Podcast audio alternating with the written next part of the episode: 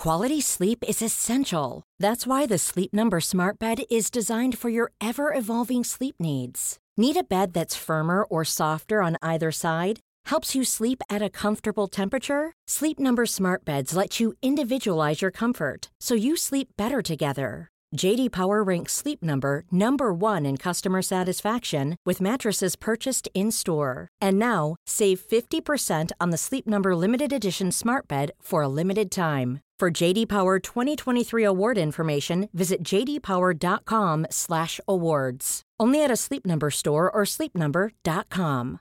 Imagine the softest sheets you've ever felt. Now imagine them getting even softer over time. That's what you'll feel with Bowl and Branch's organic cotton sheets. In a recent customer survey, 96% replied that Bowl and Branch sheets get softer with every wash. Start getting your best night's sleep in these sheets that get softer and softer for years to come. Try their sheets with a 30-night guarantee. Plus, get 15% off your first order at bowlandbranch.com. Code BUTTERY. Exclusions apply. See site for details. Hey, it's Ryan Reynolds, and I'm here with Keith, co star of my upcoming film, If, only in theaters, May 17th. Do you want to tell people the big news? All right, I'll do it. Sign up now and you'll get unlimited for $15 a month and six months of Paramount Plus Essential Plan on us. Mintmobile.com slash switch. Upfront payment of $45 equivalent to $15 per month. Unlimited over 40 gigabytes per month. Face lower speeds. Videos at 480p. Active Mint customers by 531.24 get six months of Paramount Plus Essential Plan. Auto renews after six months. Offer ends May 31st, 2024. Separate Paramount Plus registration required. Terms and conditions apply if rated PG. Veckans sponsor är Telia. Hos Telia samlar man mobil, bredband, IT-support, mobilväxel, allt som gör företagande enkelt. Och det är just det här att samla allt på ett ställe, att ha någon att vända sig till när det inte fungerar, det är Telia. Ett exempel på vad som inte är Telia, det är ju som när jag lyckas boka förmötet för en poddinspelning med Finansinspektionen till efter själva inspelningstillfället. Eller när jag här, här året var liksom, fick för mig att jag skulle börja springa, så jag är liksom ute och springer taggad, träffar en kompis som säger så du Jan, på måndag ska jag springa ett lopp. Och jag känner så här, ja men det låter inspirerande, så jag käkar pasta, jag byter om, tar mig ner till Malmö stadion för att göra en efteranmälan, står där i kön och sen så när jag liksom anmäler mig så tittar de på mig och säger så här, du Jan, vårhuset är bara till för kvinnor. Och eh, det var, det var typisk en situation som inte är Telia. Oavsett, ett stort tack till Telia som sponsrar, gör Rika Tillsammans möjligt, men framför allt tack till dig som lyssnar, följer och eh, hänger med oss varje vecka. Traditionellt har ju bolån getts ut av storbankerna, men nu finns det ganska många nya utmanare som med Finansinspektionens tillstånd ger ut de här bolånen. Vilka skulle du säga är skillnaderna och de stora vinsterna för mig som kund, mer än bara en lägre ränta? Du lyssnar på Rika Tillsammans-podden som handlar om allt som är roligt med privatekonomi. I den här podden får du varje vecka ta del av konkreta tips, råd, verktyg och inspiration för att ta ditt sparande och din privatekonomi till nästa nivå på ett enkelt sätt. Vi som gör den här podden heter Jan och Caroline Bolmesson. Idag är det dags för ett samarbete mm. eh, med, tillsammans med Hypoteket. Och eh, Hypoteket är ju ett sånt här bolånekreditinstitut och detta var ju roligt för att vi gjorde ju faktiskt ett ganska bra avsnitt för typ nästan ett år sedan eller ett halvår sedan. Avsnitt, om bolån? Om bolån, avsnitt mm. 130, där vi pratade om att det fanns egentligen tre stora aktörer. Det fanns liksom storbanker, sen fanns det lite så nischbanker och sen så fanns det då de här bostadskreditinstituten, då, till exempel Hypoteket eh, och Stabelo är väl de två mest kända. Och eh, då påstod jag då vissa saker om det här och då fick jag ett mejl då från Dag som var så här, ja det där stämmer inte riktigt, vi lyder under samma eh, lagstiftning. Och det var så här, nej men låt oss bjuda in Dag för att... Som är medgrundare Som är medgrundare till Hypoteket mm. och prata om bolån och inte minst det här med liksom hur finansieras bolån? För ibland så får vi höra att ja, bankerna trycker pengar eh, ja. och, och sådana. Ja. saker. Så att eh, jag tyckte det var väldigt eh, gemytligt också att liksom prata med honom om det här med liksom att de började egentligen hypoteket med att de försökte ta massor av kunder och så säga så här, men kan vi inte bara förhandla kollektivt? Om ränta, om bolåneränta. Ja, och mm. hur det inte gick för att liksom bankerna var inte intresserade. Nej. Och till att de då startade hypoteket. Vad tog du med dig så från Um, jag tog med mig att det är liksom inte... Alltså, uh, jag, först och främst så tycker jag efter detta avsnittet då att det inte alls är fel att inte gå till en storbank. För jag är okay. så, ja men det är klart man går till banken, jag ska inte hålla på med något litet uh, ja. Bolånekredit. Uh, det kan man absolut göra. Och sen så blir jag förvånad över att det är lite äldre eh, människor som eh, går till typ Hypoteket Stabelo och att, ja. inte alls, liksom, att inte de är så konservativa som jag har trott. ja. Det var jättekul. Ja. Ja, vad tog du med dig? Nej, men det och sen så gillade jag också jättemycket liksom hur, han pratade om liksom de här skillnaderna när vi pratar, alltså det blev lite tekniskt, men mm. jag tycker också om när man kan dyka ner på djupet, alltså vi pratar skillnad mellan säkerställda obligationer och bolånefonder, hur faktiskt genom att man till exempel har sitt eh, bolån hos ett bostadslånekreditinstitut, faktiskt egentligen bidrar till att, eh, att pensionerna blir bättre eftersom de betalar ju mycket mer pengar till pensionsfonderna än vad till exempel en, en bank gör. Ja. Så att det tyckte jag var ganska intressant och att se att lagstiftningen i så stora drag faktiskt var lika. Så att jag får lika hur då? Menar du? Ja, men lika liksom, konsumentvänlig Mm, på, ja, okay. på, på, det sättet att nej, det är jättestor skillnad mot då, till exempel hur det börjades med de här bostadskreditinstituten. Så att liksom, viss kritik som jag hade i avsnitt 130 var befogad men inte all, liksom att man plötsligt kunde bli stående där mm. utan mm. bolån på, på något, på Nej, något sätt. det är väldigt säkert sätt ju. Att ja, låna pengar. Ja, att, att det, är ett annat, det är ett annat sätt som, ja, som i alla jag fall fick, tar... Jag fick intrycket av att det är mycket säkert. Mm. Ja. Och, eller säkrare än vad jag har trott. Liksom. Ja, så, så, så, så tror jag, så, säga. Så, tror jag en bättre ja. formulering. Men jag tänker så att vi behöver inte sitta Nej, och... Som vanligt ska vi inte summera avsnittet så att ja. du slipper lyssna på det. Nej, så att lyssna jag, på det. Ja, så jag tänker att vi släpper på Dag och sen mm. ska jag göra så här magiskt eh, sidbyte här, tänkte jag, stolsbyte. För alla som tittar. För alla det... som tittar för jag sitter på fel stol, men det spelar ingen roll för dig som lyssnar på detta. Så att eh, här kommer då, då samarbete med Hypoteket och medgrundaren Dag Dag Vargeus. Varmt välkommen Dag Vardeus. Du är ju medgrundare till Hypoteket. Du har jobbat på Deloitte och du har en civilekonomexamen från Handelshögskolan i Stockholm. Och eh, vi träffades ju för att eh, du har ju en bakgrund tillsammans med din eh, partner då, eller kompanjon Carl-Johan Nordqvist, så startade ni bolånegruppen för ett antal år sedan där ni liksom försökte hjälpa sparare att kollektivt förhandla för få ner bolåneräntan. Och sen så fick ni överge det och så blev det hypoteket där du, är, där du arbetar idag. Så varmt välkommen! Tack så jättemycket! Jättekul att vara här. Kan du inte ta lite så här bakgrunden, just det där med frustrationen kring mm. att man inte vet om man får en bra ränta och hur ni precis. började? Ja, men det, det, var, det var ju precis det som du säger, för att vi, vi kom ju in i det, jag och Carl-Johan är båda, vi har en ekonomisk bakgrund i att vi har pluggat ekonomi båda två och han är också delvis ingenjör. Men, eh, men egentligen vår ingång i liksom bolånemarknaden och så som vi kom på att vi ville göra detta, det var egentligen som bolånekunder. Mm. Så ingen av oss hade jobbat på bank innan, utan vi, vi tog då runt 2012-2013 båda två våra första bolån var för sig eh, och eh, blev då väldigt frustrerade på att liksom, vi liksom möttes i det att varför, varför kan vi inte veta om vår ränta är bra? Liksom? Vi frågar varandra, har du, vad har du för ränta? Och så skilde de sig naturligtvis och vi mm. frågade andra vänner och de hade ännu bättre ränta.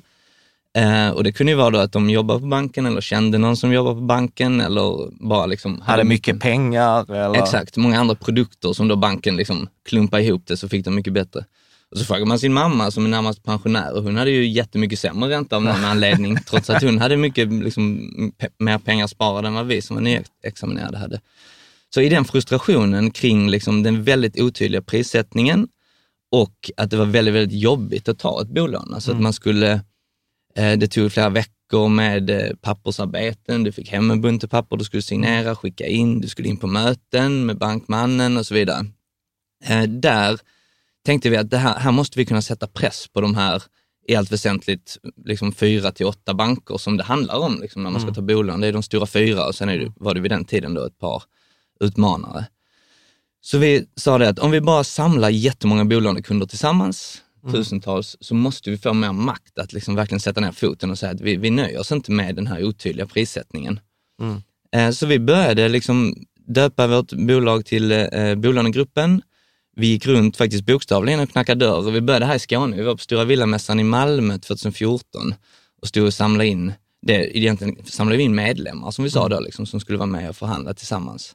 Eh, och var runt i alla byar, allt från Österlen till här i Trelleborg, Vellinge och Malmö var vi runt och la lappar i brevlådor och samlade in folk. Liksom. Och vi fick ju tusentals medlemmar eh, och gick med dem eh, dels eh, regionalt här i Skåne där vi fick eh, liksom rätt bra eh, liksom intresse för att vara en, en sparbank som just då ville växa.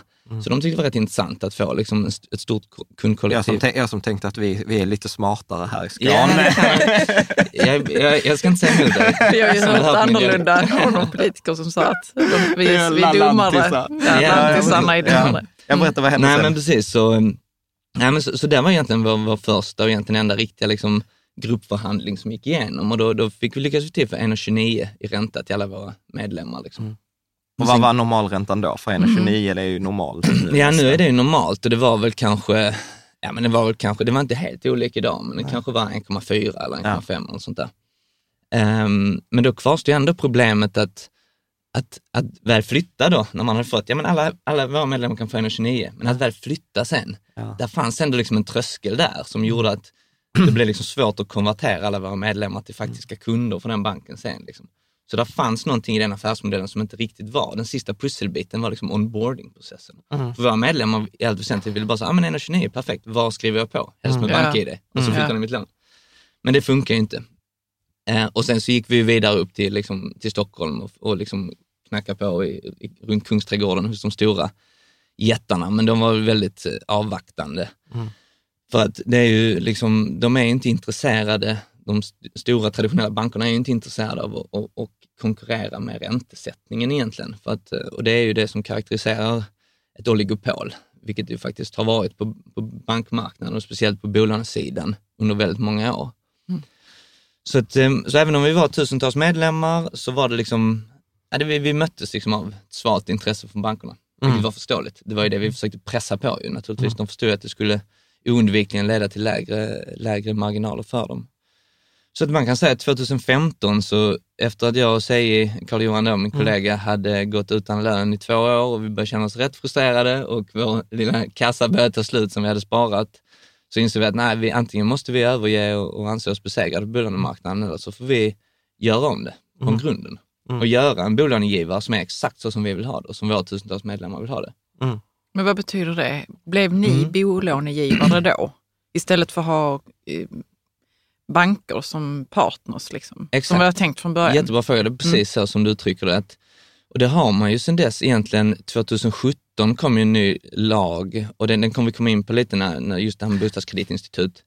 Eh, men, men som just reglerar det att på bolånemarknaden kan man säga att det finns bolåneförmedlare, vilket vi var som bolånegruppen, även om vi hade den vinkeln att vi gruppförhandlade, liksom, så var vi en förmedlare, för vi var ju en mellanpart mellan konsumenten eller bolånekunden och då banken som var, om vi säger liksom bolånegivaren.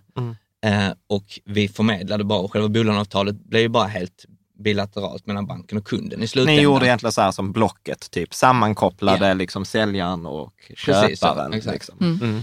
Och det finns det ju redan, eller fortfarande idag, liksom eh, Compriser till exempel och det finns ju andra smarta och sådana aktörer som, som har förmedlat blankolån länge och nu ger sig in på bolånemarknaden också. Så det var ju det facket vi var då. Men då är, då är man ju låst eh, till bankens, eh, hur banken ändå vill ha det, i och med att bankerna så stora och mäktiga. Men så, så det vi sa, då kan vi liksom ta ett steg bak i värdekedjan och ge ut egna bolån då istället för att förmedla bankernas. Så det är precis så som du säger, liksom, att vi, vi ville bli kreditgivare själv. Liksom. Och det, är, det, är egentligen, och det är det som vi egentligen kommer att prata om rätt mycket om i detta avsnitt tillsammans med läsarfrågorna. Men bara, bara kort, för jag är alltid så här nyfiken, du vet så här, historien, liksom så här, att, eh, för det låter alltid också så, här, så bra, du vet när man berättar en, en historia, det så ja men det var bra, bra, bra och sen så gjorde vi det och gjorde vi det. Men jag tänker så här, hur, hur kändes det liksom där eh, när ni fick, för, för jag läste någon artikel i realtid och sa, nej nu har vi lagt ner bolånegruppen. Mm, mm. Eh, alltså, Ja, precis. Och det, är- det är där, det är exakt där, i den här utvecklingen som alltid när man, Ja. alltså det ska man, alla liksom entreprenörer som har gjort en resa inser att det finns en tid då man är på tippen att ge upp. Ja. och det var Ja, ungefär där. och ta ett Ja. vanligt jobb. Ja, för- exakt. För att när för jag läste, jag, jag, lä- jag har läst Nassim Taleb nu här om svart, eh, svart svan och han skriver så här, vi borde ha en sån här eh, hedra entreprenörsdagen. För att entre, entreprenörer tar risken för alla i samhället. Och utan entreprenörer, utan människor som egentligen tar risker för andra människor så hade inte utvecklingen gått framåt. Men jag menar så här, vi många entreprenörer tror att det gör oss en otjänst. Vi pratar alltid bara, du vet, den spikraka Mm, resan. mm. Och sen pratar man inte liksom där när man tyckte att det var misärigt, man har gått utan lön i två Ja, eller år. vilka så- insikter man fick. vilka- eller så. Detta ja. måste vi göra Så, annorlunda. va- så här, Mm. innan vi hoppar in i det andra, så här, vad, vad var största insikten från den resan där? Största insikten är nog att, eh, att liksom man måste cut your veta när man ska liksom säga, nej men nu, nu, är, nu får det här vara bra. Liksom. Det här Mm. kommer vi inte kunna liksom, göra längre. Eh, och den, den, den tar man ju alltid för sent. Ja. Eh, och man, det är mycket liksom, det, det, det finns ju ett par liksom, eh, digitala tidningar som, som ju skriver mycket om entreprenörskap, eh, Mm. som, som man tu- naturligtvis läser. Och det blir en liten, uppe i Stockholm speciellt, finns ju lite hubbar alltså för entreprenörer. Mm. Och det pratas ju jätteofta om liksom, sådana här vanity numbers. Ja. Så, oh, vi växte med tusen procent och bla bla. bla. Alltså, den Sånt. omsättningen och så många anställda. Exakt. Det är och- den största lärdomen är att sådana siffror kan man bara bortse ifrån. Ja. För man kan alltid hitta siffror som ser väldigt bra ut, men när det kommer ner till det så är det bara kund för kund, nöjda kunder. Liksom. Ja. Och det tar lång tid att bygga upp. Liksom. Ja. Och då i bolånegruppen fallet så, så lyckades vi inte bygga upp den kritiska massan liksom, för att Ja. affärsmodellen skulle funka. Ja. Eh, så, så det är nog liksom största lärdomen är att eh, man ska inte vara rädd för att för liksom inse att den här affärsmodellen funkar inte, vi måste vinkla om den. Liksom. Ja. Ja, börja om. Jag tror ju att Mm. många gånger, jag brukar alltid säga så att allt som händer är en träning inför något som komma ska. Mm, mm. För hade ni inte gjort resan med bolånegruppen så hade det inte blivit något hypoteket. Nej, exakt. Liksom, vilket, Verkligen. vilket är ganska coolt. Men nu, nu tänkte jag att vi kommer hoppa in något så roligt som Riksbankens finansiella stabilitetsrapport Ja, från oj. tj- 2018. Jag, jag, jag vet inte, jag Vad har, är det för rapport? Nej, men jag har någon fäbless för jag tycker Riksbanken ger ut sjukt bra, ungefär som Pensionsmyndigheten. De ger ut sjukt bra rapporter, men det är inte en jävel som läser dem. Men om man väl ger sig in och läser dem så står det ofta ganska bra grejer. Så jag tänker, jag tänker läsa här eh, högt, så, så, då skriver de så här. Eller du kan läsa Caroline förresten. Mhm. Eh, Okej. Där. Den svenska bolånemarknaden står för närvarande inför förändringar. Låneförmedlare får en allt större betydelse genom att de hjälper bolånetagare att sänka sina lånekostnader och icke-banker konkurrerar med traditionella banker om bolånekunder. Ja, du får Eh. fortsätta. Erfarenheterna. Erfarenheter från andra länder pekar emellertid på att de nya aktörerna kan komma att bli viktiga på bolånemarknaden. Förmodligen påverkar de redan nu genom att de ökar konkurrensen och pressar ner räntorna. Vilket jag tycker är en ganska Ja. bra beskrivning. Väldigt bra. Eh, Och det, där, där kan man ju säga då, och det, för då återknyta till liksom historien, att just när vi stod där 2015-2016 så tittade vi just på andra länder och då såg man det holländska exemplet. Där hade den här typen av, av fristående bolånefonder som inte var i en bank då, eh, hade ju vuxit explosionsartat och tagit väldigt stor del redan då, bara på några år av marknaden och nu utgör de en, en, liksom, en stor del av marknaden. Eh, och det, är ju, det var ju en av, av de liksom, strukturerna vi tittade på utomlands. Så där, där, om man tittar på den marknaden så ser man ju verkligen att den här typen av aktörer har... Ja, för det är lite roligt, för de, de, jag läste fler rapporter, då hänvisar de alltid till den holländska Mm. eller nederländska marknaden. Men jag, jag tänkte, eh, liksom för att ge lite, lite sammanhang, för att du och jag kom i kontakt eh, typ förra året, när jag, vi gjorde ett avsnitt om eh, amortering och bolån. För att då skrev jag liksom så här att traditionellt så har bostadslån getts ut av banker och, och så kategoriserade jag det egentligen i två eller tre grupper. För då sa jag så här, okej, vi har de fyra storbankerna, typ som har 75 procent av marknaden. Eh, sen eh, finns det då vissa nischbanker som jag då var, då eh, i avsnitt 130 så var det typ Avanza, Nordnet, Landshypotek. Och sen fanns det vissa som hade så här typ, ja var du fackavtalsansluten, Saco eller något sånt, så fanns det också med Danske Bank samarbete.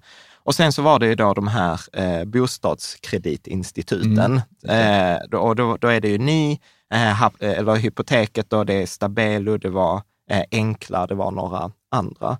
Så att om, kan inte du ta liksom så här, okej, så vad ser du som skillnaderna? Och sen så tänkte jag ta lite, för det var ju där jag skrev vissa saker som du sa så här, nja, det stämmer inte Nej, just riktigt. det, just det. Och så tänker jag att vi bryter ner det. Så Mm. vad skulle du säga så här, skillnad mellan storbank, håller du med om för det, för det, för det första, så här, Mm. storbank, nischbank och bostadskreditinstitut? Precis. Jo, men det, det, är en jättebra fördelning. Precis. Storbankerna, de, de, det säger sig själv, de är ju liksom helservicebanker och servar typ- hela marknaden. Det är också. Swedbank, Handelsbanken, SEB, Nordea. Ja. där Och de ish. har, ju, de har ju kunder allt från liksom, eh, oss nyutexaminerade som kommer ut och skulle ha första bolånet till pensionärer, till de här private banking-kunderna som Mm. har sina företag i banken. De, har liksom, de, de är ju verkligen hel, servar hela marknaden. Mm. Sen har vi då nischbankerna, ja, och de tar ju olika nischer. Dels har vi ju de som riktar sig till folk som har lite svårare att få lån, eh, som Bluestep, exempel. Nordax och de här. Det är, det är ju banker också. Alltså de har ju banktillstånd. Om vi pratar det, alltså ett- ett banktillstånd till att börja med är ju egentligen definitionen av en bank, det är att du får låna ut pengar och du får låna in pengar från allmänheten. Kan man säga. Det, det är liksom, för I och med att du då lån, både lånar in från allmänheten och lånar ut till allmänheten, så utgör du en risk att om, om allmänheten helt plötsligt vill ha ut alla sina pengar från dig, men du har lånat ut det på andra ändan, så måste du ha buffertar och du måste, det, det, nu är det väldigt naturligtvis Förenklat, men jag ja. försöker göra liksom, så att Ja. så att då får du syssla med, du får både låna in pengar, alltså Mm. ta in pengar på sparkonton, det kan vara lönekonton och allt sånt där. Och du får också låna ut. Eh, så det gör ju att det finns mycket regler kring buffertar och mycket sånt här. Kapitaltäckningskrav och Precis, sådant. ja. exakt så.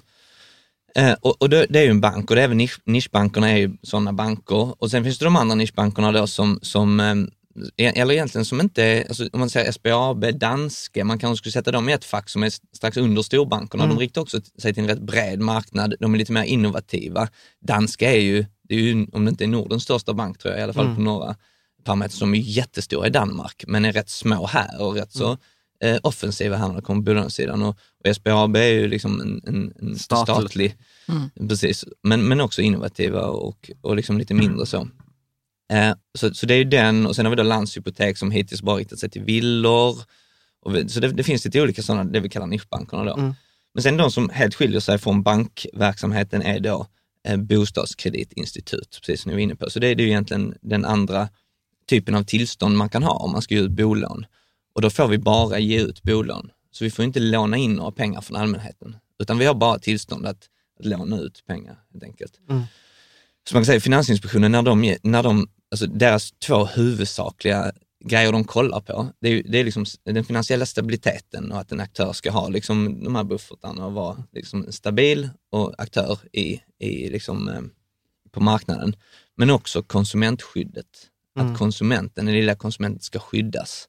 Och då för oss som en liten aktör som bara får ge ut bolån, vi har, där är ju den delen väldigt, väldigt viktig. Naturligtvis är stabiliteten också viktig, men vi utgör ju fortfarande en sån liten, liten, liten del av marknaden. Av den totala, ja, för, för det skriver de också, att det är jättelitet, att det är Mm. så här knappt märkbar, eh, skrev de i någon ja, rapport. precis, exakt. Men att de skrev att det kan bli liksom eh, st- större där. Men jag bara undrar, var kommer pengarna ifrån då? Mm. Om man Ja. inte får låna in? Ja, Eller vi kommer till det, det. det är precis det vi ska prata om. För att det var ju här då i det här avsnitt 130, så, så jag och några andra läsare skrev ju då att så här, jag är jättepositiv till de här bostadskreditinstituten för att de ökar konkurrensen. De har, tittar man på Riksbankens och Finansinspektionens rapporter så ligger bostadskreditinstituten alltid 0,2-0,3 procent lägre än vad storbankerna ligger. Så att de pressar ju konkurrensen. Och jag tycker liksom så här, jag älskar låga avgifter, jag älskar konkurrens. Eh, Inga avgifter. Inga, inga, precis, Nej, inga, inga avgifter. och, och liksom effektiva liksom system. Så jag brukar ibland tänka Mm. så här, typ skillnaden på SAS och Norwegian. Liksom, båda är flygbolag, men liksom, ni, ni började ju från scratch, så ni sitter ju inte med gamla system och massa sådant. Men eh, då, då, då, i avsnitt 130 så påstod jag ju då att eh, det har varit, till exempel, har varit problem historiskt. Det har kanske inte varit med er, så att eh, här klumpar jag kanske ihop eh, liksom er, så du får liksom ut, att man tog inte emot nya kunder, utan man sa bara så att okej, du ett villkor är att du måste ha fått ett lån på en annan bank för att vi ska kunna ta över dig. Och, eh, man, det, ja. mm, det är ju typiskt en grej som Finansinspektionen aldrig skulle tillåta. Nej, och det var, ju, det var ju inte så mycket ni, det var ju enkla, Ja, tror jag, precis. som... eh, som Jag, jag tror att det, det blev en, en, missuppfattning också, för jag, tr jag tror inte de, alltså de gör, man, man måste göra en kreditprövning. Man har ju som kreditinstitut ett ansvar att göra en kreditprövning det, det är ju två, egentligen har två syften. Det ena är att skydda den vars pengar du lånar ut, Mm. att risken ska vara på den nivån som den investeraren då, eller i vårt fall då pensionsfonder, då kommer vi in Mm. på, som de förväntar sig. Men det ska ju också vara, vi gör ju också en kreditprövning för att eh, liksom kunna avgöra om du som konsument faktiskt, om det är bra för dig att ta det här lånet. Mm. Så det är inte säkert Okej. att, att du som konsument har all kunskap du behöver Mm. för att förstå att det är inte, du borde inte ta det här lånet. Liksom. Mm. Till exempel. Alltså, och det, det är ju mycket av... Och det där kan man ha mycket politiska åsikter Exakt, om precis. huruvida någon annan, någon annan ska avgöra saker i Nej, mitt och jag är liv. också väldigt, väldigt eh, liksom pro den egna, det egna ansvaret hos en konsument. Och, och, och det är liksom utgångspunkten för oss är att försöka göra det så enkelt så att vi ska ge dig kunskapen du Mm. behöver för att kunna fatta beslutet själv. Så vi ska ju aldrig gå in och, med pekpinnen. Det, det, är Mm. liksom, det vill man ju inte, men samtidigt så är ju, det är ju jättesvårt med, med, med krediter och, liksom, Mm. och bolån och procent, effektiv ränta, nominell ränta. Alltså som konsument blir man, blir ju förvirrad direkt. Ja.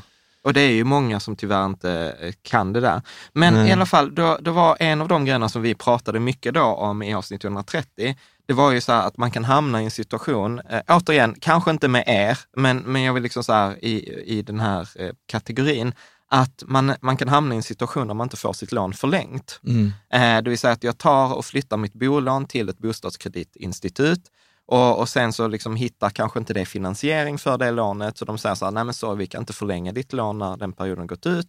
Och sen har man kanske blivit arbetslös eller det har hänt någonting på marknaden så man är inte attraktiv för Swedbank Nej, eller en vanlig bank. Mm, ja. Och så, kan man, och så plötsligt så hamnar man i något limbo, Mm. att man liksom inte hamnat bredvid någon. Och jag tror detta var Frida Bratt tog upp det i någon Mm. artikel. Att Men kan det hända att man hamnar i sånt limbo? Nej, det, Nej. Det, det är ju just det som gjorde då att, att då den här andra aktören på marknaden Mm. inte kunde komma ut, så att säga. Alltså om man- om man tittar på, då, och då kommer vi in på skillnaden lite mellan säkerställda obligationer och... ja, Alltså, och det ska vi prata om ja, sen. exakt. Hur, alltså en bank lånar in pengar i regel på mellan tre och fem år. Så Mm. lånar in det från våra pensionsfonder, lånar in det och sen lånar de ut det i bolån på 30 år. Mm. Och där, där kan man ju tänka sig, men vad händer om pengarna, om de inte får några nya pengar efter tre år? Och där, där kommer ju hela den här, liksom, eh, bankernas, den otroligt rigida regelverket de har som säkerställer att det finns då en backup-lösning i en sån situation. Det skulle vara en finanskris där och då får ju staten gå in och, och liksom intervenera, eller göra liksom interventioner för, för att fixa det. Mm. Men då sa Finansinspektionen, eller egentligen när bostadskreditinstituten kom, så sa Finansinspektionen, nej men ni har inte den, eh, ni måste liksom, man måste finansiera sig, säkerställa finansiering över så lång tid att vi i alla fall kan vara trygga att bolånekunden inte hamnar i den här situationen. För det var en risk då? Ja, det, exakt. Ja. Och vi, av alla bostadskreditinstitut, alla, nu är vi bara två stycken, det är vi och Stabelo. Det är ju ingen annan som egentligen har, har lanserat. Nej, Sen har vi ju, mm, liksom Svensk Hypotekspension är väl visserligen också ett, men Ja, de har ju väldigt... för, för det var också en sån grej som jag läste, till exempel en annan rapport från Riksbanken, så är det så att man har gett ut tio tillstånd, Mm, varav mm. bara fyra har utnyttjat den här Ja. möjligheten att ge ut. Eh, Ja, precis. kredit. Ja. Ja, men så, så då sa de ju att, eh, då sa de ju precis att man måste liksom ha så, så lång finansiering. Så vi, vi har ju finansiering under så lång tid som är två, tre gånger ett normal eh, bolån livstid. Liksom. Mm. Så liksom, vi har ju finansiering på 15 år. Mm. Eh, så, så det är ju liksom, och vi refinansierar dem, vårt mål är att refinansiera dem var femte år minst. Liksom. Mm. Rulla, rulla dem in i nya fonder, nu blir det direkt Mm. sån tekniskt Nej, men, nej, men låt oss, låt oss eh, vi, vi kan, jag tänker så här att vi kommer ha en innehållsförteckning till detta avsnitt, så att nu kommer det bli nördigt Mm. och lite tekniskt, för att detta är en sån här grej. Jag har inte hittat någon annan att prata med detta om. Och sen tänker jag så här, annars kan man sen hoppa till läsarfrågorna som är mer så här, vilka är dina tre bästa tips för att Ja, förhandla? Vilket just vi också ska ta. Men vi kan säga, jag- får jag bara liksom då få avsluta den med, med de här Ja. eh, tio, tio eh, tillstånd och fyra som utnyttjats. Ja. Det är just det att, att, att då har de haft grejer, till exempel så att den här aktören sa, vi lånar upp på tre år. Mm. Och då är inte det tillräckligt långt tycker Finansinspektionen för, för att du vill ju ha ditt bolån längre än tre år. Och då var ju frågan, vad händer efter tre år? Mm. Så då, då fick de problem, problem att lansera. Men de andra ska jag säga, så, det är många aktörer som har startat, satt upp verksamheten och fått tillståndet av Finansinspektionen. Men efter att du har fått det tillståndet, då måste du börja låna ut u- inom en viss tid, om det är ett år eller vad det är. Och har du inte gjort det så får du lämna tillbaka tillståndet. Mm. Så det har hänt i många fall, att aktörer inte har kommit igång, liksom, Mm. beroende på att de då inte har hittat finansiering. Mm. För, för att jag, jag tänker eh, eh, här att om, om vi återigen, nu läser jag från rapporter Mm. här från Riksbanken, eller Karin, du kan läsa det. Så detta är från eh, Riksbankens rapport, nya aktörer på bolånemarknaden. Så du kan Mm. läsa där. Eh, De bolånevolymer som de nya aktörerna hanterar är i nuläget små, både i förhållande till den totala årliga flödet och till den utestående volymen. Erfarenheter från andra länder pekar emellertid på att de nya aktörerna kan komma att bli viktiga på bolånemarknaden. Detta kan vara positivt för den finansiella stabiliteten, till exempel om de använder mer stabila finansieringskällor än bankerna. De nya affärsmodellerna har dock inte testats i en vikande bolånemarknad, vilket kan medföra nya risker. Mm. Mm. Så jag tänker, och så här har jag förstått eh, liksom risken. Så nu blir det lite så här tekniskt. Men om, om jag förstår det rätt, så en bank, en av de här storbankerna, de ger ut säkerställda obligationer. En säkerställd obligation, där är så typ tre nivåer av skydd för den, eh, liksom, re- det är ju räntefonder som köper dem.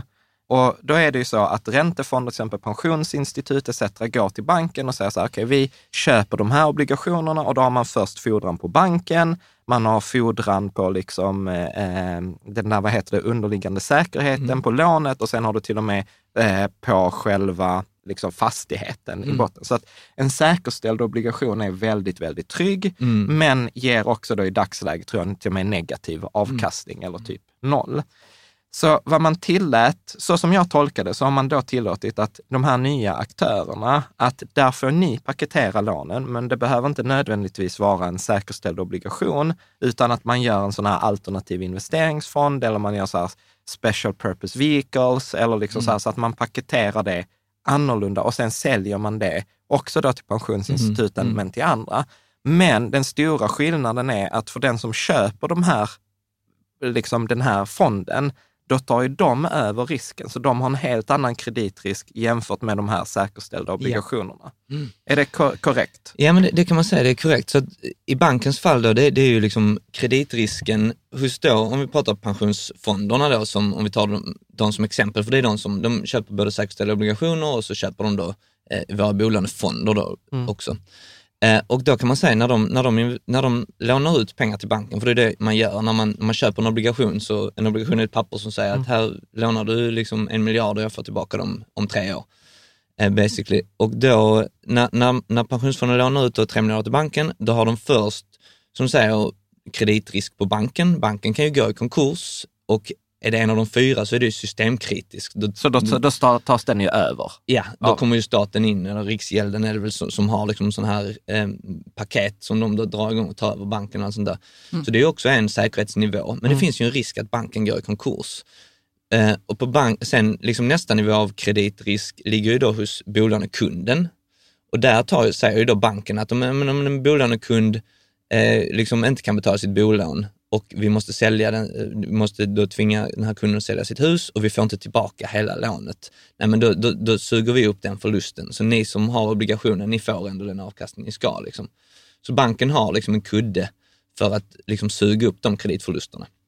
Så det är helt sant att då tar ju pensionsfonden, eh, i det här fallet då, eh, inte direkt motpartsrisk mot hushållet utan mot banken kan man säga.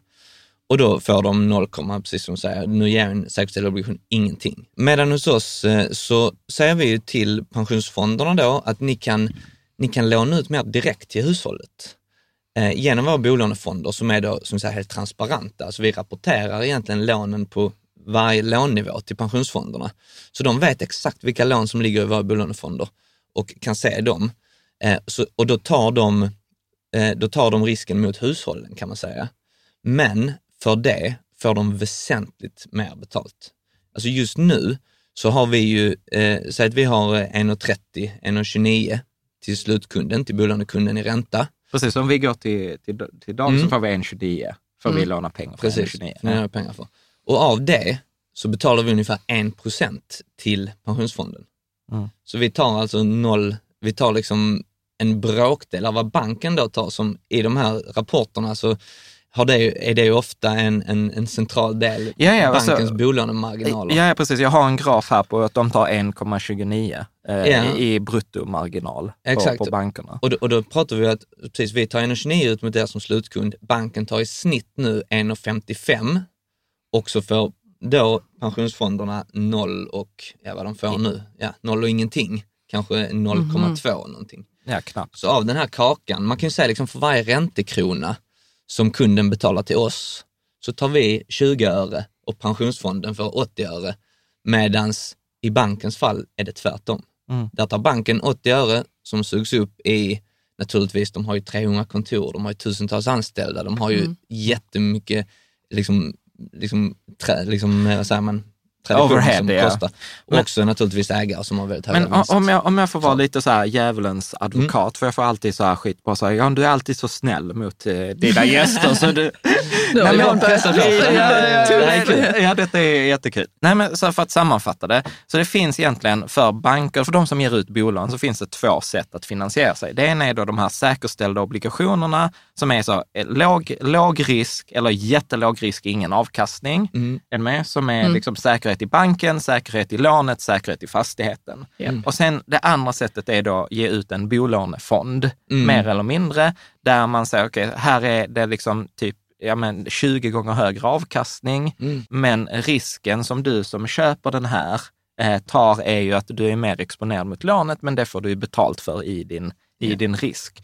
Och, och det, det är de två, två skillnaderna, eller hur? Exakt så. Men för, för då, om vi då målar fan på, på väggen, då kan man ju liksom hamna i en situation, alltså inte i dagsläget, eller liksom så här, där det finns liksom nästan inga andra alternativ och liksom, vi har haft stabil finansmarknad, hyfsat i alla fall. Men kan det inte hamna i en situation där, där de här finansinstituten och pensionsfonderna säger så här, nej men vi vill inte, vi vill inte köpa den, den där fonden för vi tycker att det är för hög risk. Alltså typ så här fastighetskrisen 2008, du vet hela subprime. Ingen ville ju ta i något som hade med fastigheter att göra.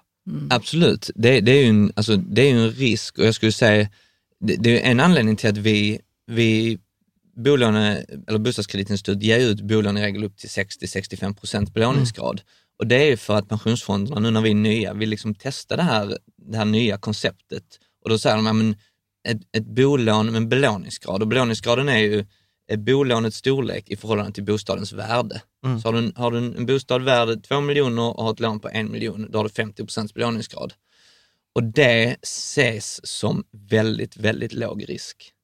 För det, det finns ju liksom, då är det ju det är alltid tråkigt att prata om att en bolånekund inte kan betala och tvingas sälja sitt hus. Det är det sista man vill. Alla liksom och ofta är, det, ofta är det ju det sista som man överger. Som- alltså man ja, drar ju ja, ner på absolut. all annan konsumtion, men boendet brukar man Så ju... just svenska bolån, alltså att ha bara säkerhet i ett svenskt bolån är extremt säkert. Det ses som extremt säkert. Eh, Så att, så att de, för pensionsfonder, liksom belåningsgrader upp till 65-70, där någonstans. För att det finns inget lag... För att om jag förstod det rätt, så det är inget lagstiftningskrav att ni bara får ge ut till 65 Nej, nej, procents bel- belån. Ni kan ge ut till 85 också, Ja, om ni skulle exakt. vilja. Mm. Mm. Alltså rent, rent eh, mot konsumenten eh, så är det konsumentkreditlagen som vi lever under och som banker lever under. Så när det kommer till konsumentskyddet så är vi exakt som en bank. Det är bara det, vi får inte låna in från kunder. Men när vi lånar ut till kunder så har vi exakt samma skyldigheter som en bank. Eh, och där är ju liksom, eh, där är ju liksom, du får bara låna ut upp till 85 procent. Det är väldigt mycket kring god kreditgivningssed, vilket är just det här att ta ansvar för att vara måttfullhet och vara väldigt, ta liksom låntagarens intressen i första rummet. Men, men, men säg, säg, här, säg att vi har så här situation, liksom, fastighetsmarknaden viker med 40 procent. Mm. Så att vi hamnar under de där 65. Alltså Mm. va, hur, hur skulle liksom Det, det, det, påverkar ju inte våra, alltså nu om man ser... eh, det påverkar ju inte befintliga lån. nej, nej exakt. Så Men skulle det kunna påverka att ni hade fått svårare att låna upp det här kapitalet? det, det kan det göra absolut. Det är ju, alltså, det är ju, ska jag säga, en av de stora utmaningarna vi har haft som har kommit igång. Nu är vi som sagt bara två som faktiskt, det finns bara två bostadskreditinstitut på marknaden. Det är vi och Stabelo och ingen annan har ju kommit igång och det största hindret det har varit att hitta eh, pengarna att låna ut. Alltså att, att få pensionsfonderna att, att då tilltro oss med, eller att ge oss förtroendet att låna ut den här miljarden eller, och det blir jättestora pengar direkt, svindlande summor. Men, men liksom när man pratar, svenska bolånemarknaden är ju liksom 3500 miljarder. Eh, Så det, är ju otroliga, otroliga liksom belopp som man får förtroende att låna ut och det är bara pensionspengar. Så de är ju väldigt rädda. Så när vi kommer, jag och Carl-Johan, vi liksom ser nyutexade ut, även om vi har, även om vi har stångat oss blodiga på bolånemarknaden i ett par år, så är det ju liksom, de gör ju ett jättebra jobb för pensionsspararnas Mm. räkning. De måste vara säkra på att vi är lika trygga som att låna ut sina pengar till en bank. Mm. Mm. Ehm, Men, och därför, mm, Ja, men fortsätt. Därför har de då gett oss förtroendet. Nej, men ni får låna ut upp till 65 procents belåningsgrad. Mm. Då har vi hushåll som är jättefina. Alltså svenska bolånekunder överlag är ju liksom helt fantastiska på att betala sina, precis som du säger, det är det sista man, man inte betalar. Mm. Eh, Så, att, eh, så att svenska bolån För, är för, ju för, där, för där är- vet jag att det är vissa som säger så här, ja men du vet i Sverige kan det gå som i USA. Så jag så bara, nja inte riktigt, det är ganska stora skillnader mellan liksom lagstiftning i USA och lagstiftning i Sverige. Där du till exempel, så här, går du ifrån huset så är du fri från lånet Mm. i USA. Så är det ju inte i Så är det Sverige, inte här, utan lånet liksom förföljer dig. Ja. Även, eh, liksom. Men, Men vad får jag bara fråga nu, i de här bolånefonderna, vad, Mm. vad finns det där? Liksom? Där finns bara bolån. Så ja, men det- det, det så att- låter som en fond, så Ja, jag det- lite ja, förvirrad. men- Så Men, men det är skitbra. Men det, så här tänker jag, så jag, jag försöker förklara så får du ge facit. Mm. Eh, när man till exempel säger att vi tar våra och Philips och Jeanettes och alla bolån, Ja. med, så att alla de lånen packas ihop i en påse. Mm. Och sen går man med den påsen till då, då liksom en pensionsfond och så säger man, titta här, här har vi liksom Jeanette, Jan och Filip och massa andra, det är liksom 100 miljoner. Med, och de kommer varje månad betala en ränta på 1, eh, 1,29. Vi Mm. tar 0,2 eller 0,3 av dem och ni Mm. får resten. Mm. Och det är ju då en bolåne, eh, liksom, Fond. fond. Okej. Eller alternativ investeringsfond som det heter Mm. enligt lagstiftningen. En, en väldigt, då, och för att fortsätta, fortsätta med den analogin, så är ju då en jättestor skillnad då på, på säkerställda obligationer och på våra fonder. Det är att när, vi kommer med den, när banken kommer med den påsen Mm. eh, till pensionsfonderna där de har paketerat sina bolån och säger den här Mm. obligationen, här har vi en påse bolån eh, som, som då backar den obligationen. Men pensionsfonden får inte titta ner i påsen, utan på påsen Nej. står det en, två eller tre stjärnor Mm. som ett ratinginstitut har satt. Mm. Så de är väldigt otransparenta och bygger på att ratinginstituten gör ett väldigt bra jobb i att se vilket, hur bra bolagen är under. Och det var Mm. ju centralt i krisen i USA, att ratinginstituten inte gjorde sitt jobb. Medan när vi Nej, kommer med precis. påsen till pensionsfonderna, då öppnar vi påsen och säger, titta ner här på de här fem bolagen som ligger. Ni kan titta rakt på bolagen, ni kan ta upp och vrida och vända på dem. Det kan ni alltid göra. Ni kan bara ringa oss så får ni en lista på alla bolagen. På så sätt får vi en Så de får till med egentligen, liksom egentligen så här fastighetsbeteckning, så man Ja. kan kolla vilka... Alltså, ja. precis, de, Men de, då tittar de på speciella grejer för att säga så, ja men det är ju jättebra eh, lån det här, det är stabilt och säkert. och det är belåningsgraden som är Så den de behöver själva delen. göra en bedömning, Ja. inte lita på något institut. Nej, precis. Som li, Ja, lite ja, på det är ett mer, det, ratinginstitut. precis, det är mer, det är mer transpa, transparent. Mm. Liksom. Men, ja, men man kan ju argumentera att ja, det är jobbigt för dem ju Det är det. titta på det. Precis så. Och det är precis det som, som gör att det har varit svårt för alla oss nya att få kapital. Mm. För att säkerställa marknaden, den har funkat bra och det är en jättebra finansieringsform för bolån. Men den bygger också på att det finns en väldigt, väldigt dyr mellanhand som är banken. Superdyr mellanhand, onödigt dyr. Nu med alltså bara tekniska, alltså bara att vi kan ha det helt online, att vi kan liksom att de kan, faktiskt kan få en lista på alla bolånen enkelt i Excel eller ännu mer digitalt. Liksom. men, men så att Mm. egentligen i, i grunden så kommer det ner till, alltså nu pratar vi mycket egentligen utifrån pensionsfondens perspektiv.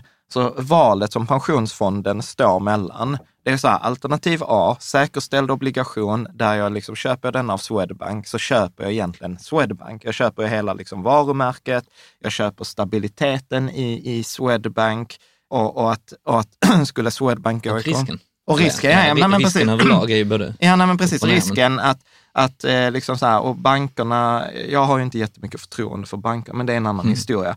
Eh, men att till exempel om Swedbank går i konkurs, så kommer den tas över av staten. Men går ni eller en sån här fond i konkurs, så tas inte den över av Mm. staten, eller hur? Nej, det, det är också, det är precis det vi är inne på. Alltså, när vi pratar AIF-fond, Mhm.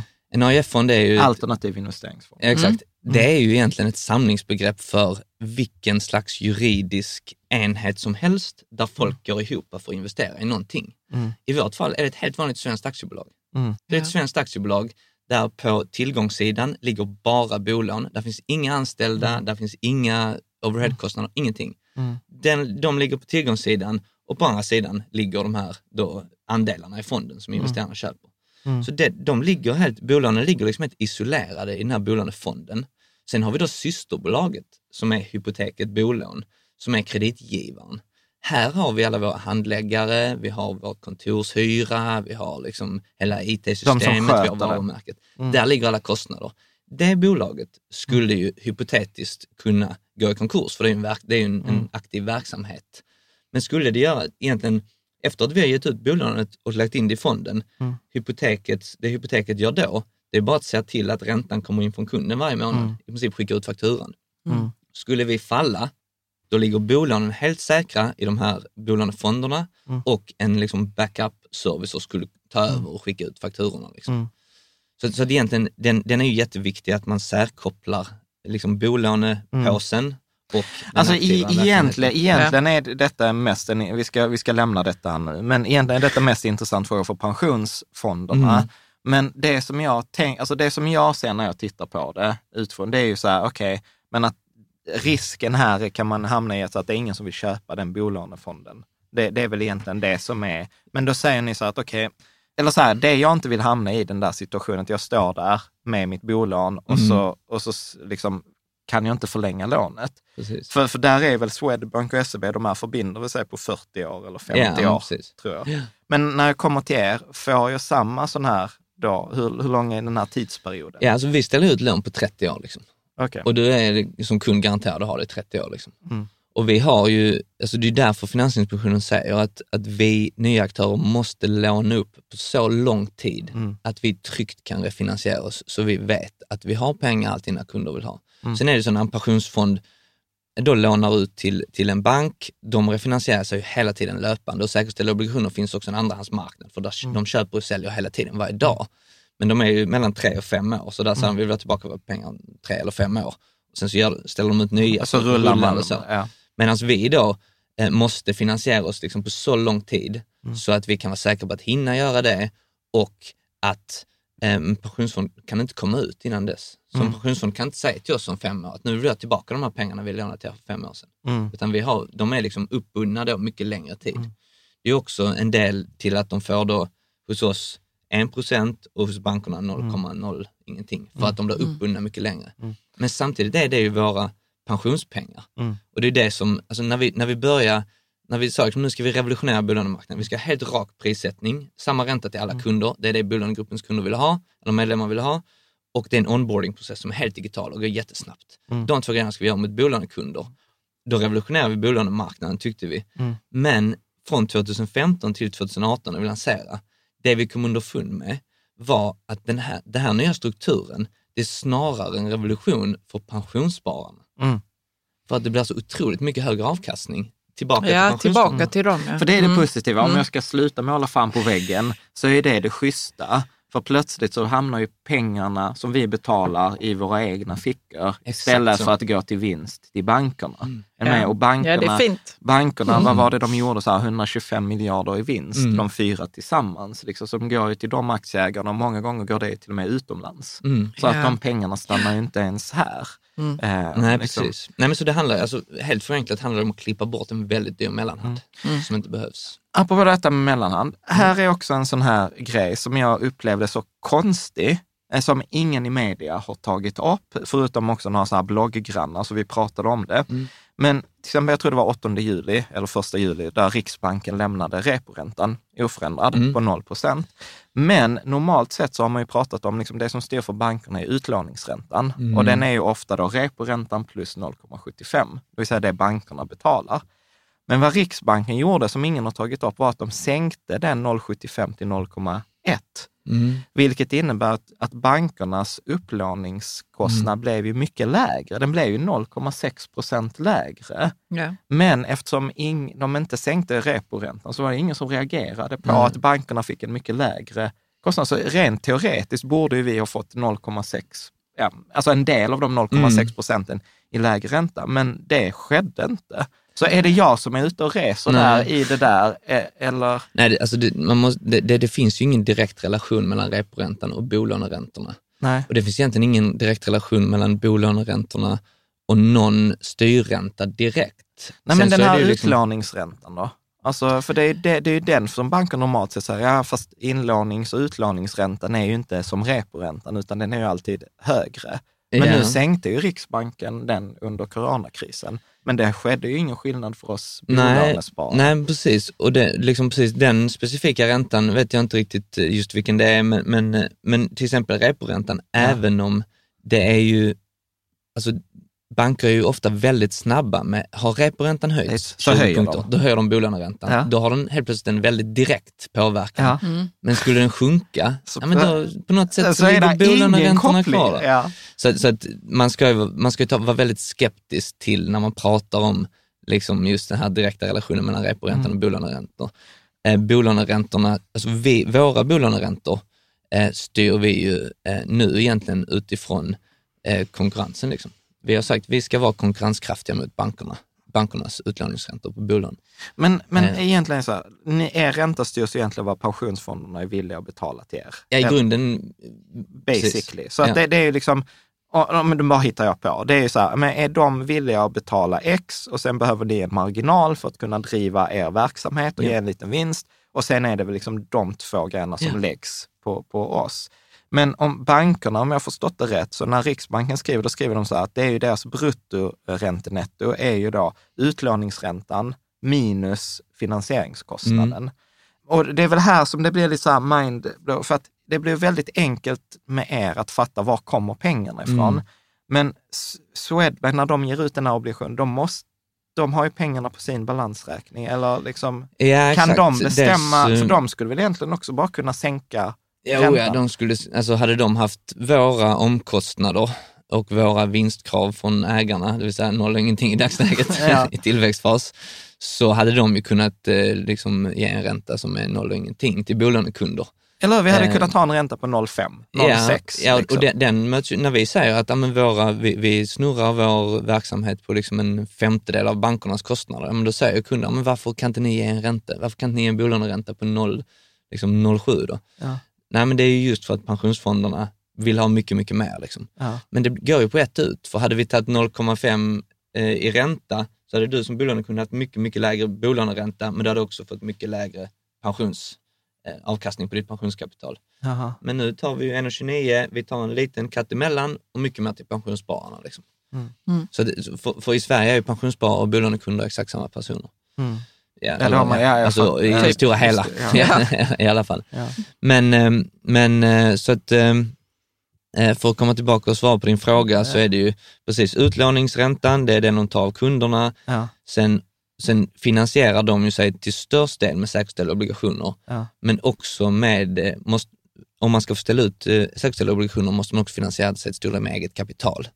Det är det de här buffertarna man pratar om. Mm. De måste ju ha en rätt stor säck pengar liggandes för att om det blir, om kunderna som har satt in pengar hos dem, Mm. de, de pengarna används ju också till att låna ut, men om de helt plötsligt vill ut alla sina pengar så måste de ha liksom lite pengar. de Ja, kan- och de måste garantera de här obligationerna. Ja, exakt. Mm. Ja, men bra. Vi lämnar, vi lämnar säkerställda obligationer. Och Jag tyckte ändå det var intressant. För Ja, vet, ibland, ibland så hamnar man så här forum, så här, bara, bankerna trycker sina egna pengar. Du, vet, du går in på banken och de trycker fram fem miljoner. Jag är så här, Nej, det funkar inte riktigt så. Mm. Utan så här upplever jag liksom, att vi har, vi har dessutom svarat på frågan, hur går det till när en bank lånar ut pengarna? Mm, Liksom, att mm. det är ju, pengarna måste ju komma från Mm. eh, från någon.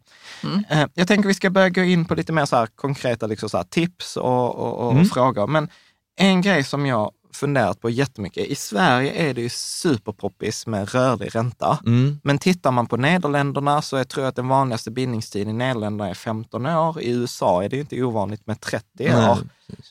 Så man binder Är, sin är, är, vi, är, vi, är, vi, är vi smartare i Sverige eller är vi dummare i Sverige?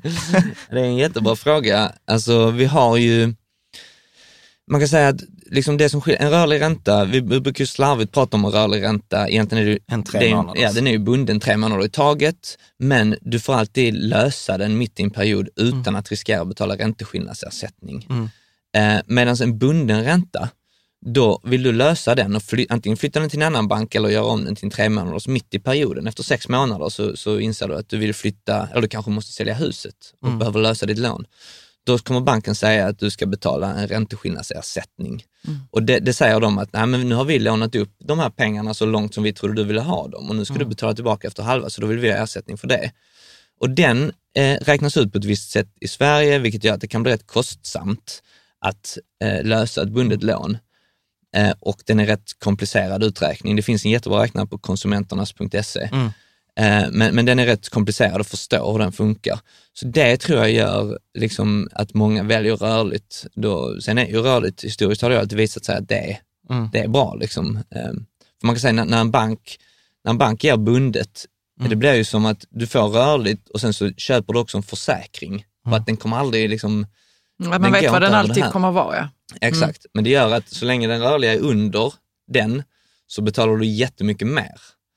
Och banken har ju sina prognoser som visar att vi sätter ju den, man sätter ju den bundna på en nivå eh, där vi inte tar för hög risk att den rörliga faktiskt ska gå upp över det. Så att i regel är ju en, en bunden ränta eh, liksom dyr. Det är en försäkring liksom som, är, som är dyr. Och vi Sverige är ju rätt så, vi tror på vår egen kunskap också rätt mycket. Alltså just det här individuella ansvaret och man, man tycker att nej men jag tror rörlig, För, för, att, för att jag tänker, alltså nu, nu, det finns ju alltid någon sån som är recency bias, att man påverkas av det man har varit med om eller det man har läst på sistone. Jag, jag har läst rätt mycket om sådana här eh, svarta svanar, alltså så här, låg sannolikhet, stor konsekvens. Och så tänker jag så här, att, att välja rörlig ränta i, i, i dagsläget är ju så här att uppsidan är begränsad. Alltså Mm. det, visst, den kan gå ner lite till, men nedsidan, alltså att räntan skulle öka, är ju jättestor. Så att för mig blir det så här att är det så jäkla smart att sitta med rörlig ränta nu? Och, och så tänker jag till exempel Danske Bank kom ju nu med, liksom, de är Mm. väl först i Sverige, att de säger så här, du kan få ett 30-årigt bolån, du kan lösa det när som helst. Ja, Mm. men du får betala två och någonting, alltså ganska dubbelt så mycket som du hade Mm. betalt med en rörlig ränta. Men så är jag ändå så här, fan det, det är kanske inte så dumt. Nej. Eh, Liksom. Ja, för det, Nej, för men du menar alltså- att risken att Att jag menar så här, du har eh, räntan lite, går du, upp nu du, är du, har, stor? du, har, precis, du har lite att tjäna på att ha en rörlig ränta. Det var en annan grej, rörlig ränta när räntan var 3 och den kunde Mm. sjunka till 1. Men när räntan nu är 1,2, liksom så här, ja visst den kan gå ner lite till, men den kan ju öka till 4 procent eller 5 procent. Mm. Liksom. Ja, nej, men så är det absolut. Men det finns ju en aspekt med rörlig ränta och det är just det här med att vi flyttar ju ändå relativt ofta Mm. Ja. eh, i Sverige. Och eh, just eh, har du en bunden ränta och ska flytta, det är inte, jag tror inte det är någon långivare som, det, det kan vara någon som erbjuder liksom säkerhetsbyte, det vill säga att du får ha med ditt bolån till det nya, men då ska man ju göra, det blir en jättelång process. Så i regel måste du lösa ditt lån när du ska flytta. Mm. Så att vet du att du ska bo kvar i din bostad över de kommande tiden som du överväger att binda, då är det ju bara eh, räntekurvans, alltså utsikten kring den som påverkar. Men sen är det ju grejer som, som kan göra att du, du kanske träffar någon och ni vill flytta ihop och så eh, måste du sälja lägenheten. Och har du ett bundet då fem år kvar på det, det kan ju kosta rätt saftigt att Mm. lösa. Men kan det det, vara, kan det bli, hur mycket brukar det kosta den här? eh, Alltså det kan ju vara jättemycket, det beror på hur stort beloppet är och tiden. Så för oss, vi hade ju två miljoner som har, som har tre år kvar. För vi gjorde ju så en tredjedel rörligt, en tredjedel på tre år, en tredjedel Mm. på fem år. Och då vet du att när det var tre år kvar på femårslånet på två miljoner kronor så kostade det typ 39 000 att lösa? att lösa. Mm. Sen kan man ju räkna på det. Får man en riktigt bra ränta så kan det vara lönsamt att Ja, ta den precis. engångssmällen. Och där kan man använda den konsumenternas Mm. mm. räkna. Men, alltså det kan ju absolut vara värt det, för att du faktiskt får lägre. Ja. Ja, men du, om du skulle, om, hur, bara för att sammanfatta det, om du skulle ge råd liksom, till dina föräldrar eller till liksom, bästa kompisen, så här, bara, bundet eller rörligt, hur skulle resonemanget gått sammanfattat? Ja, jag skulle nog, alltså, eller om jag skulle själv eh, liksom nu så binda eller ha rörligt Ja. så skulle jag nog ligga kvar allt på rörligt ändå.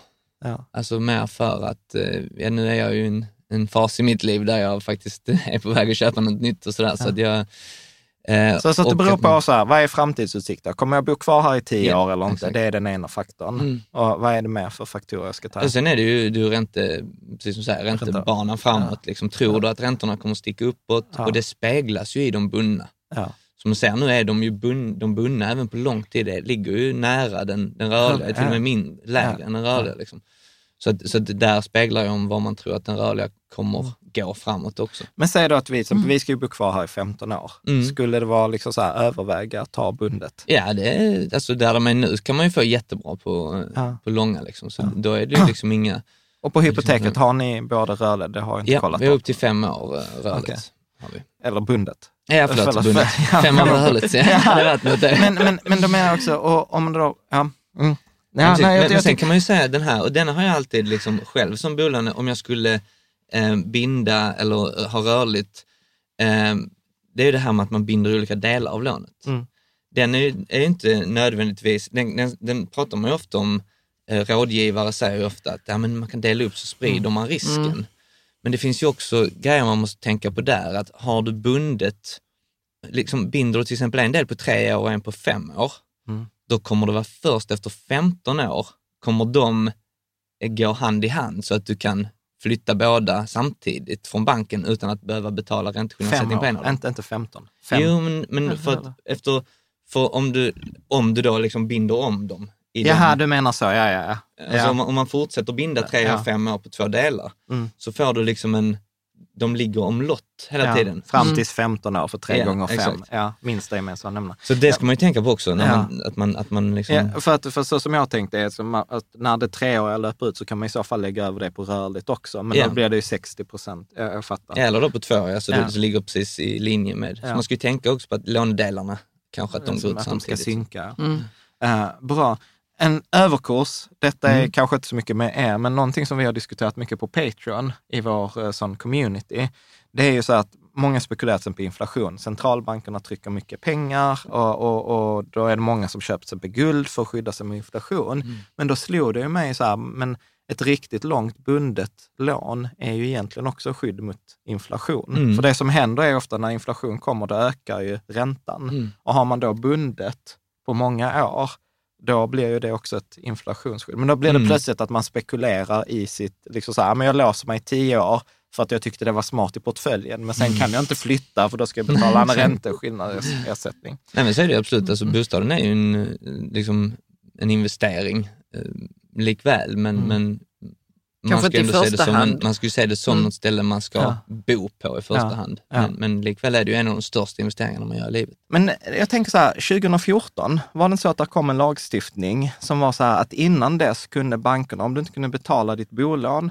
så kunde de begära in att du skulle lösa hela lånet. Men efter typ 2014 så kom det en lagstiftning som säger så att så länge du betalar räntan på ditt lån så kan inte ni, liksom, eller så kan inte, då blir jag inte av med huset. Nej, precis. Eh, eh, Så att det är egentligen det som är det viktigaste. Så länge jag betalar, Mm. kan jag säga så, så länge jag betalar min ränta så, så kan ni inte säga upp lånet. Ja, ja, det är ju grundregeln liksom. Alltså Ja. om du fullgör dina förpliktelser enligt avtalet, vilket är, jag ska betala min ränta, Ja. Eh, egentligen punkt, och att du inte ska bränna ner säkerheten för att du får inte bränna ner huset. Men, eh, men så länge du betalar räntan så, så har banker eller bostadskreditinstitut eller bolånegivare överlag ingen möjlighet att eh, liksom, Att begära in. Nej. Så att, för, för jag vet Mm. att det var det som var då, för att risken, vad som hade hänt innan, om jag förstod det var rätt, då var det så att, ja men säg att det det är värt en miljon och jag har liksom 750 000 satte man in. Men om bostaden sen sjönk till en halv miljon så kunde banken begära in mellanskillnaden på de där 250 000, Mm. för man sa att säkerheten är nu mindre än vad ditt lån är. Det. Eh, och att jag tror att det var det. Men, eh, ja, men det, Nej, det, vikt, ja, det viktiga var egentligen så här, så länge jag betalar min ränta så är jag safe. ja, exakt så är det. Eh, bra. Ja, bra. Sen så här, dina bästa tips när det, när det så här förhandla. Nu kommer den där Expressen, räntan. Mm. Ru, eh. För du, du har ju förhandlat mer än de flesta. Ja. Så vad är, vad är din erfarenhet? Om man, HUSER får ju alla Ja, samma ja, låga exakt. ränta. Liksom. och, och, men om man fortfarande liksom, av någon anledning är kvar hos en storbank, vad Mm. brukar vara dina bästa tips? Flytta till hypoteket. Bra, då har vi det Nej, men- sagt. Men, eh, Nej men precis. Nej men det är så, vi, vi, precis som du säger, så vi har ju samma ränta till alla kunder och det är ju en, det är liksom en affärsmodell som vi tycker är självklar. Du ska inte behöva liksom förhandla och pruta på någonting som är så stor affär som ett bolån. Det ska vara precis som om du köper en produkt i en livsmedelsbutik. Du ser prislappen och den gäller alla. Men liksom är du kvar hos en, hos en då gammal aktör som fortfarande har eh, det här systemet, Vissa gillar ju att pruta och hålla på. Vissa tycker det är kul, ja. Men det, det är viktigt att inse också, för vi, ofta kommer kunder till oss och, eh, och så säger de, ja, vad kan vi få? Och säger, men hos oss får ni 1,29, det får alla våra kunder. Det är viktigt att förstå en jättestor skillnad mellan oss och bankerna. Då säger de, ja men jag fick 1,25 hos min bank. Men man ska veta att när man prutar på räntan hos en bank, det är en tillfällig rabatt. Ja. Deras listränta, om vår listränta är 1,29, det är motsvarande listränta, för den får alla. Mm. Deras listränta, den ligger ju på 2,3-2,4 nu skulle jag tro, gammelbankerna. om jag får slarvigt kalla dem det. Eh, 2,3, 2,4. Så det är den utgångspunkten du har, att du ska ha, de har, att du ska ha 2,3. Och sen är du jättebra, ja men då kan vi i sex månader, kanske 12 månader, ge dig eh, 80 punkter rabatt, alltså ner från 2,4, men då kommer du ner till 1,60. Det kan du få i rabatt.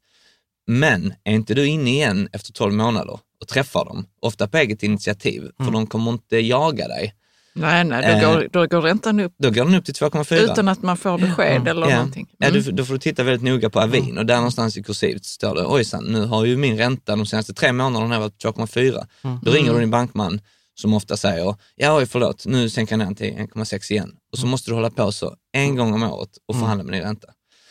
Och det, är- det är ju den prissättningsgrejen som vi också tycker är väldigt intransparent och lägger en börda på kunden som inte är, det är inte liksom eh, schysst. Men, jag, men jag, vet, jag vet inte om det var du eller jag pratade med någon kollega till dig som sa att ni kör ju någon grej med Aftonbladet nu, att man, ni kollar så här, vad har man för ränta?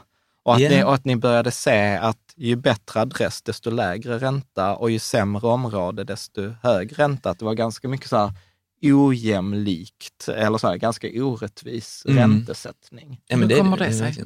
Alltså jag gissar att det är fler faktorer, men Ja, är det något alltså speciellt? det, dels är det ju de här, och det, det har ju bankernas möjlighet till det som de kallar kopplingsförbehåll. Det är ju att om du, om du ska ta ditt bolån så här, men då måste du också köpa pensionssparandet. Du måste också ha din vardagsekonomi här. Du måste också ha ditt sparande här. Den möjligheten för bankerna begränsas väldigt mycket och nu tvingas de att, när du måste ge pris på varje produkt enskilt, men likväl så ger de dig rabatt på ditt bolån om du lägger tjänstepensionen hos dem. Om du lägger din vardagsekonomi där. Då får du några punkter rabatt på bolånet. Men det blir ju dyrare på tjänstepensionen antagligen än den billigaste Ja, jag, jag brukar ju Så alltid avråda från sånt. Ja, Koppla precis. aldrig ihop Nej. ditt bolån med, eh, med Nej. att sparande eller... Men ni menar det- att de som bor på lite, vad ska man säga, bättre adresser då, att de gör på det Ja, viset? Ja, och att, att Eller- de har antagligen mer pengar sparade i Mer banken. pengar Och sparade. de har ett större Mm. bolån också. Mm. Ofta har de ett bolån som, som är över eh, 2, 3, 4 miljoner. Då vill, det tjänar ju banken mer på, eh, för det är ett större belopp, så att då får du också lägre ränta. Mm. De som blir mest mistreated, tyvärr, vilket är hemskt, det är ju soon to be eller pensionärer. Liksom. Alltså soon to be Ja. pensionärer, över 55, 60 och uppåt. De har ofta eh, amorterat duktigt så de har små lånestorlekar. De kanske har 600 000 i bolån, men de har ett hus som de har bott i 20 år som kanske är värt 2,5-3 miljoner för att det har varit som värdeökning. Så de har extremt bra belåningsgrad. De Men är- borde inte det ge en lägre ränta? Att, Jo, exakt. Det borde om det hade varit helt riskbaserat. Sen är de ju då äldre, har kanske en lägre inkomst i månaden, de har bara sin pension, de har kanske inte så mycket sparat, för det ligger liksom, ja det, det är ju inte alla som har det.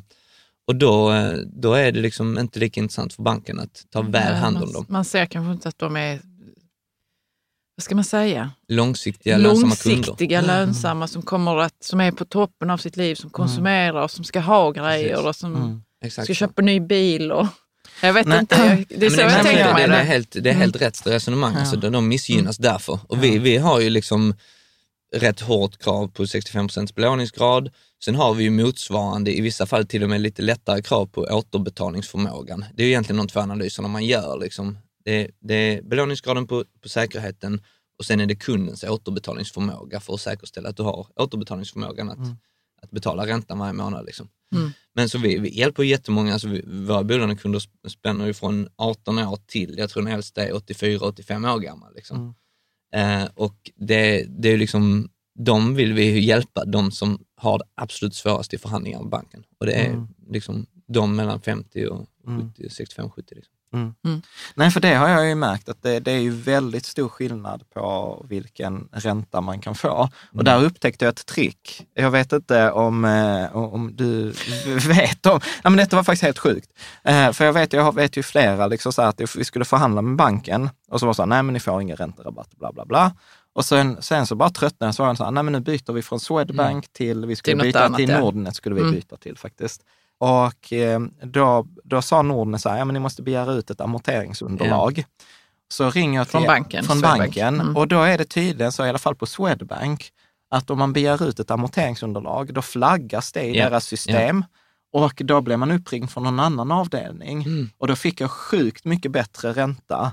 Än, alltså då, då fick vi så bra ränta att det var inte lönt att flytta ens till Nordnet. Nej. Liksom. Och är det, alltså Och- bara det, det får du ju lite att koka i blodet på mig. Alltså, Ja. det, det är exakt, detta är anledningen till att vi startade bolånegruppen en gång i tiden.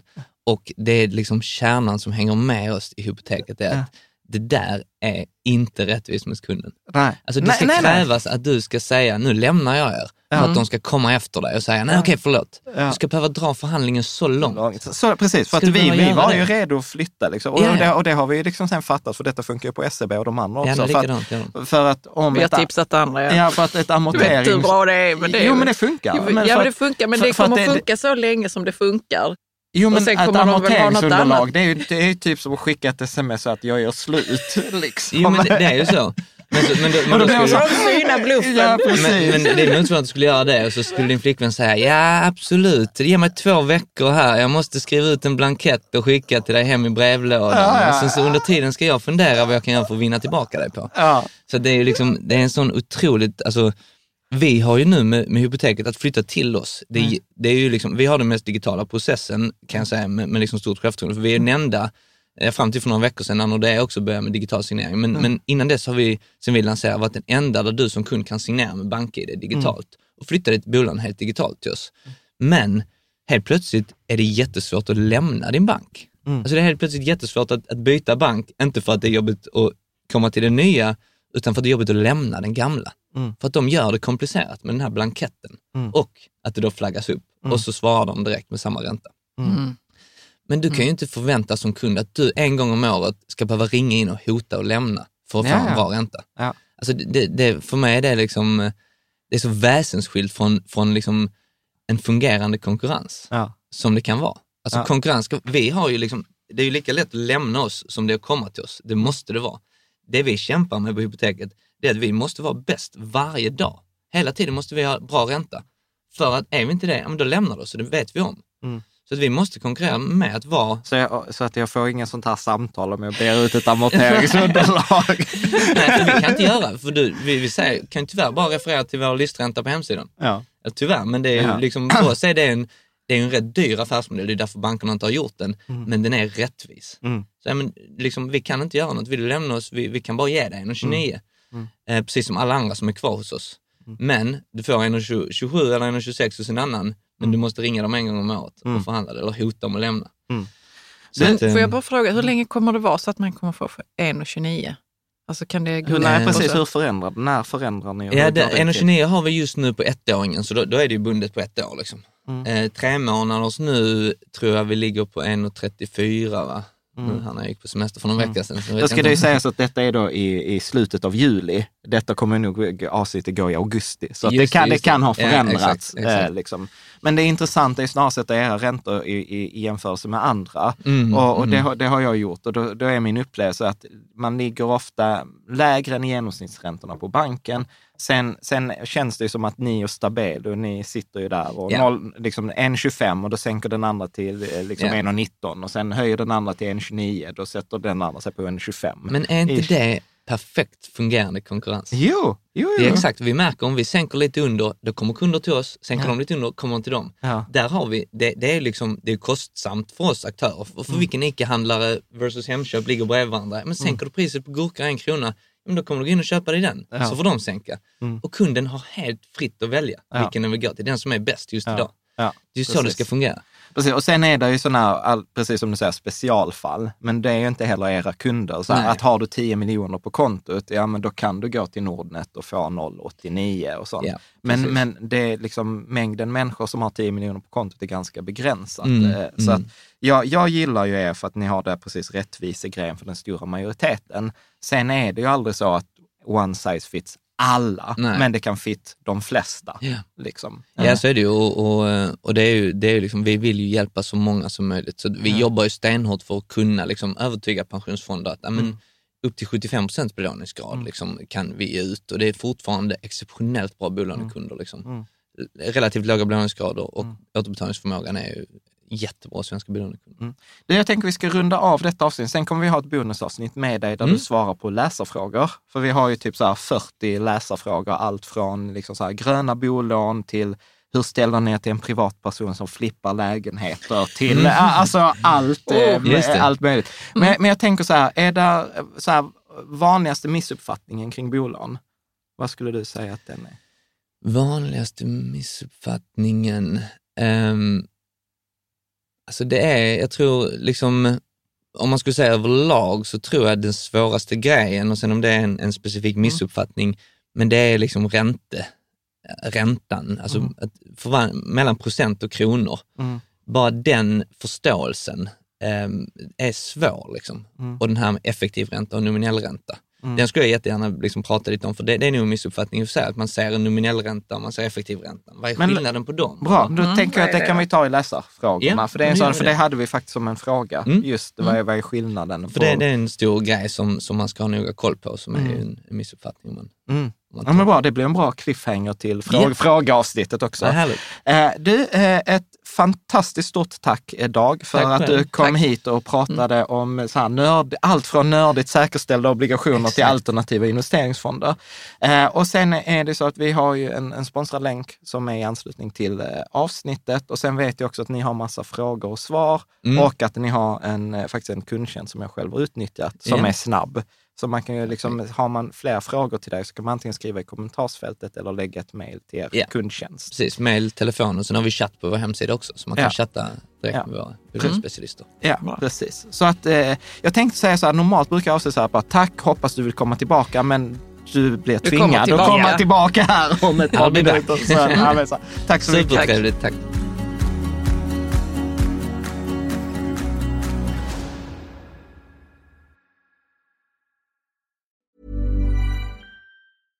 Imagine the softest sheets you've ever felt. Now imagine them getting even softer over time. That's what you'll feel with Bowl and Branch's organic cotton sheets. In a recent customer survey, 96% replied that Bowl and Branch sheets get softer with every wash. Start getting your best night's sleep in these sheets that get softer and softer for years to come. Try their sheets with a 30-night guarantee. Plus, get 15% off your first order at bowlandbranch.com. Code BUTTERY. Exclusions apply. See site for details.